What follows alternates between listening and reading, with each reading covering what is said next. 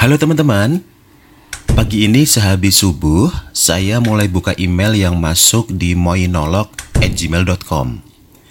Nah, ternyata ini ada sebuah email yang datang dari salah satu pendengar podcast Moy yang telah dikirim hari Rabu yang lalu. Oke, kita baca bareng-bareng ya. Sebentar. ini sambil aku nyiapin kopi sebentar. Nah, ini kan kebetulan bangun subuh, anak dan istriku belum pada bangun. Jadi ya sudah, harusnya uh, bisa lebih longgar ya waktunya untuk bikin podcast episode ini. Oke, okay, sudah. Oke, okay, kita langsung baca bareng-bareng ya emailnya.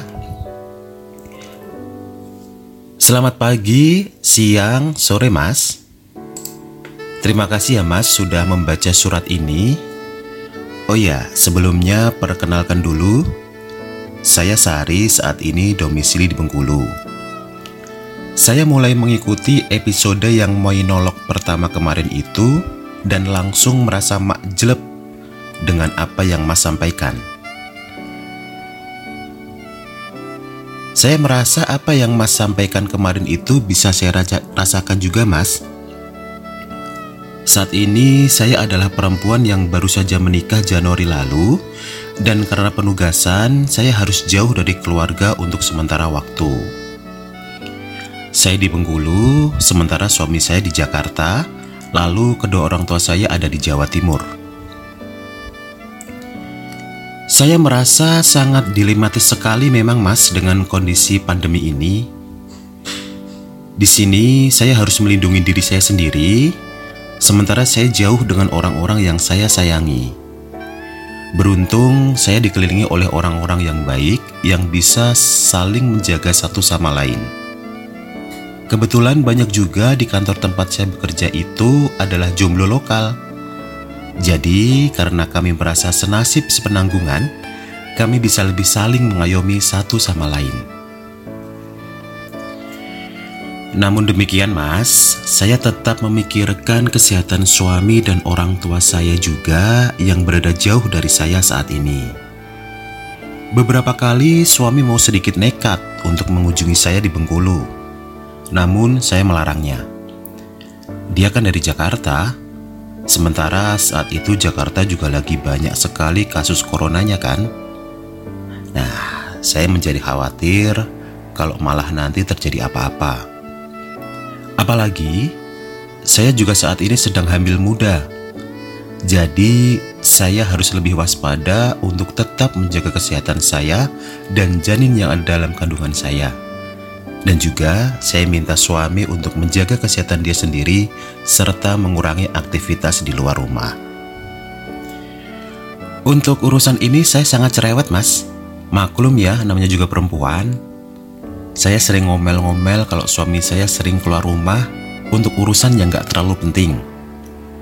Saya juga selalu bilang ke dia kalau untuk belanja bisa online saja. Toh sekarang banyak aplikasi belanja online kan?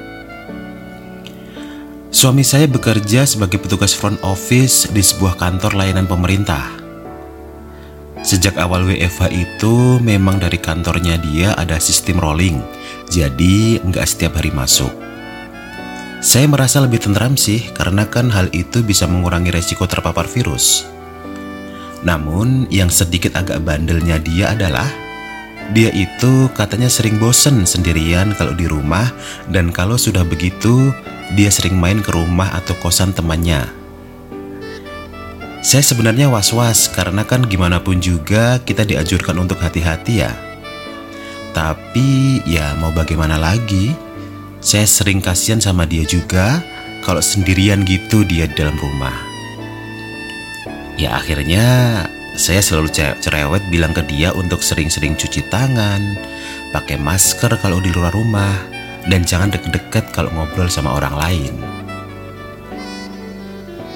Nah, satu lagi nih mas, yang saya juga sering banyak mikir dan banyak khawatirnya, yaitu keberadaan orang tua saya di kampung sana di Madiun Mas lebih tepatnya, Jawa Timur. Beliau berdua kebetulan mempunyai usaha toko kelontong yang setiap hari buka. Dan alhamdulillah banyak pembeli yang datang ke situ. Di satu sisi saya bersyukur mas karena tokonya laris.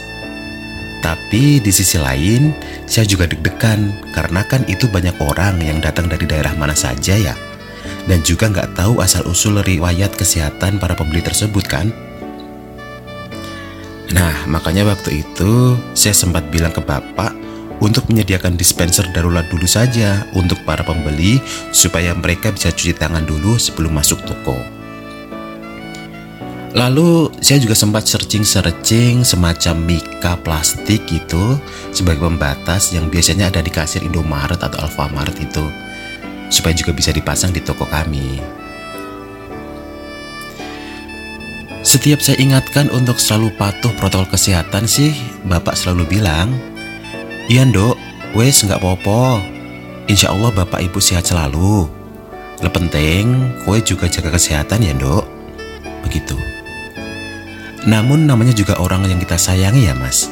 Kita pasti akan totalitas dalam menjaganya kan? Saking terlalu seringnya saya telepon untuk memantau aktivitas bapak atau ibu, saya pernah dimarahi mas. Karena pas lagi rame-rame pembeli, saya malah telepon berkali-kali. Saya paham sih, tapi ya mau bagaimana lagi? Saya pun juga ingin berbakti dengan menjaga beliau secara maksimal. Cara maksimal yang bisa saya lakukan ya hanya ini mas Lewat telepon, lewat whatsapp, kadang video call Begitu-begitu Tapi setiap saya nanyain ke kabar bapak ibu Justru saya yang banyak ditanya balik sama beliau berdua Sudah makan atau belum dok? Vitaminnya udah diminum belum? Kontrol kandungannya tadi ditemenin siapa? Berat janinnya berapa sekarang dok?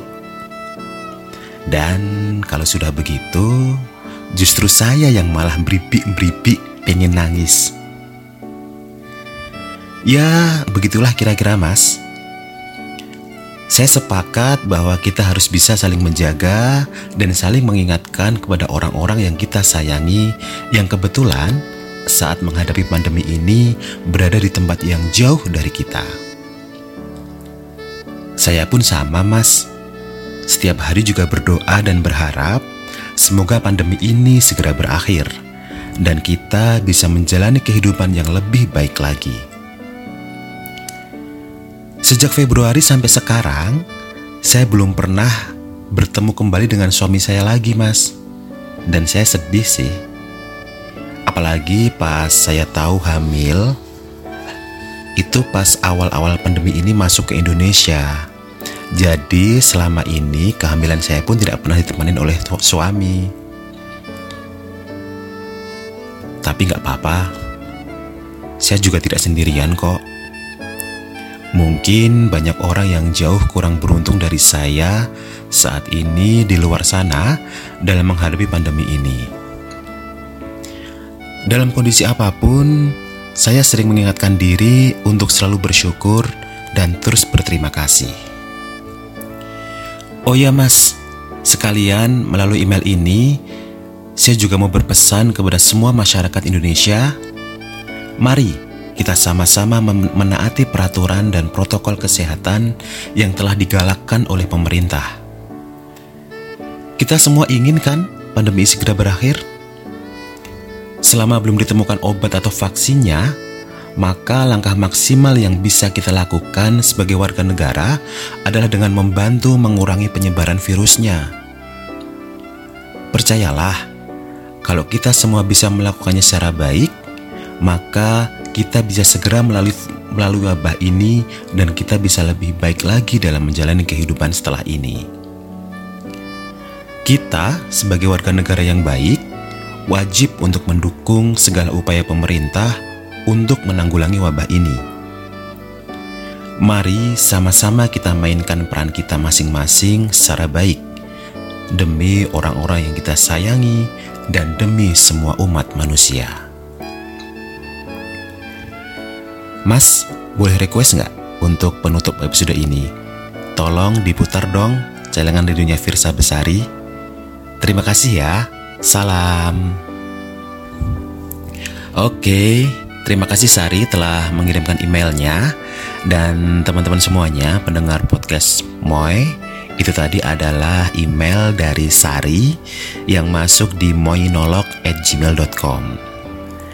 Nah, dari saya pribadi sih ada beberapa hal nih yang bisa jadi catatan baik uh, apa yang tadi telah disampaikan oleh Sari yang pertama, tetap berpikir positif dan terus menjalin hubungan baik dengan siapa pun.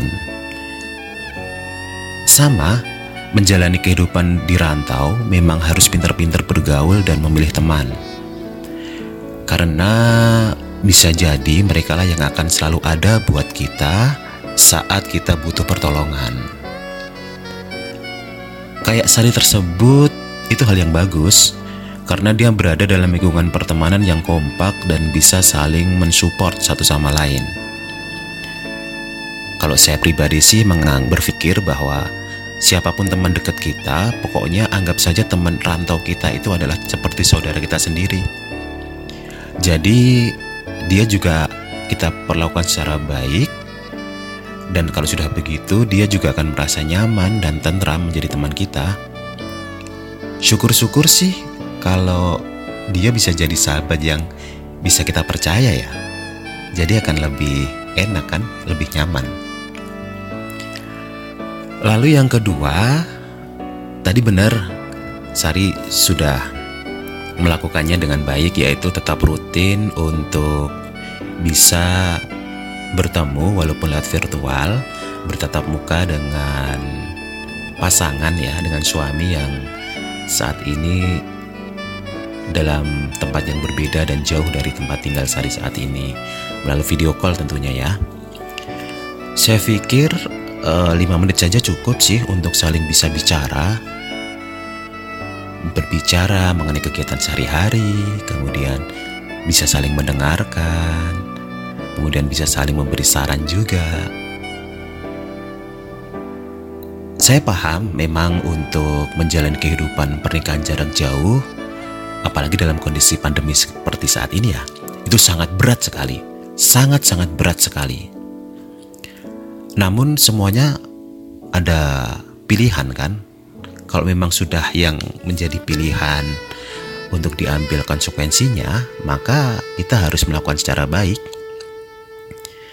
Yang paling bisa kita lakukan adalah menjaga komunikasi kan? Tetap menjaga komunikasi dalam bentuk apa pun Lalu yang paling penting juga sama yaitu menjaga hubungan baik dengan teman atau sahabat pasangan kita yang saat ini sedang ada di sana yang dekat dengan suami kita atau istri kita atau pasangan kita tersebut. Jadi kalau misalkan suatu waktu kita butuh pertolongan dia, kita bisa cepet tuh dan kita juga bisa enak juga kalau misalkan ternyata suami kita sedang sakit atau istri kita sedang butuh bantuan sementara kita sedang di tempat yang berbeda gitu. Ada teman kita yang bisa kita minta bantuan. Seperti itu. Kemudian yang ketiga, untuk orang tua, ya aku pun demikian, sama seperti Sari paling hanya bisa mengingatkan, terus terus mengingatkan melalui telepon, melalui WA, melalui video call. Tapi selain itu, aku juga tetap menjaga komunikasi dengan saudara ataupun mungkin saudara ayah ibuku atau juga sepupuku yang juga ada di kampung sana supaya ya tetap bisa ikut menjaga orang tuaku di sana seperti itu. Istilahnya kita minta titip lah. Minta titip supaya orang tua kita juga diperhatikan. Sesekali kadang sepupuku itu atau saudaraku itu aku minta untuk nengok ke rumah untuk sekedar menemani atau ngobrol dengan bapak ibuku supaya tidak merasa kesepian gitu. Oh ya, Kebetulan saat ini kan aku menjadi anak tunggal karena kedua adikku sudah meninggal beberapa tahun yang lalu. Jadi mau tidak mau ya yang sekarang satu-satunya anak dari bapak ibuku ya aku sendiri. begitu. Kadang untuk beberapa hal sih kita bisa bantu ya, misalkan bapak ibu atau orang tua kita itu butuh belanja, namun kita khawatir kalau bapak ibu keluar rumah itu akan meningkatkan resiko gitu. Kita bisa bantu kan, pesankan lewat aplikasi online mungkin. Atau kalau aku pribadi sih, kebetulan aku menyimpan nomor tetanggaku yang dia itu adalah juga pedagang sayur. Jadi lebih mudah tuh ketika kita akan membelikan bahan pokok atau ketika bapak ibu kita uh, tidak ingin terlalu banyak keluar rumah gitu, kita bisa pesankan kan lewat uh, pedagang sayur yang tadi sudah saya save nomornya tadi. Kemudian untuk pembayaran juga sekarang juga segampang banget, bisa transfer, bisa GoPay, bisa OVO, bermacam-macam lah. Dan alhamdulillah ya, kita sekarang bisa menjalani kehidupan yang lebih baik karena ada kemajuan teknologi yang membantu mempermudah kehidupan itu. Hmm, itu sih yang paling penting kalau dari aku. Oke, okay. oke okay ya Sari, uh, sesuai request dari Sari tadi, kita akan dengarkan bareng-bareng ya untuk penutup episode podcast Moy ini podcast Moy Surat dari Sahabat Edisi pertama ini kita akan tutup dengan lagu dari Firsa Besari yang berjudul Celengan Rindu Oh ya, bagi teman-teman yang mau berbagi cerita, baik itu mau dibacain atau mau ngobrol di podcast Moy, nanti kita bisa lewat telepon atau lewat Zoom atau lewat uh, video call. Bisa banget ya, kirim email ke moinolog@gmail.com. M O Y Y N O L O G at gmail.com Moinolog Tulisan lengkapnya ada di bio sih Ada di bio podcast ini. Oke Sampai jumpa semuanya. Celengan rindu dari Firsa Besari.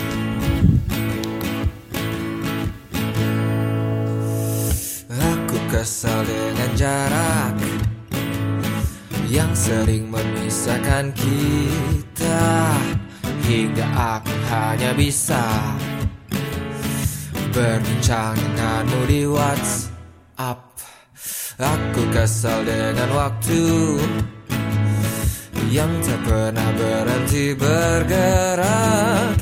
Barang sejenak Agar ku bisa menikmati tawamu.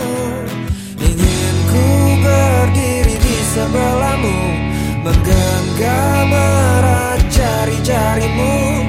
Mendengarkan lagu Sheila on Seven. Seperti waktu itu. Saat kau di sisiku. Dan tunggulah aku di sana. Memecahkan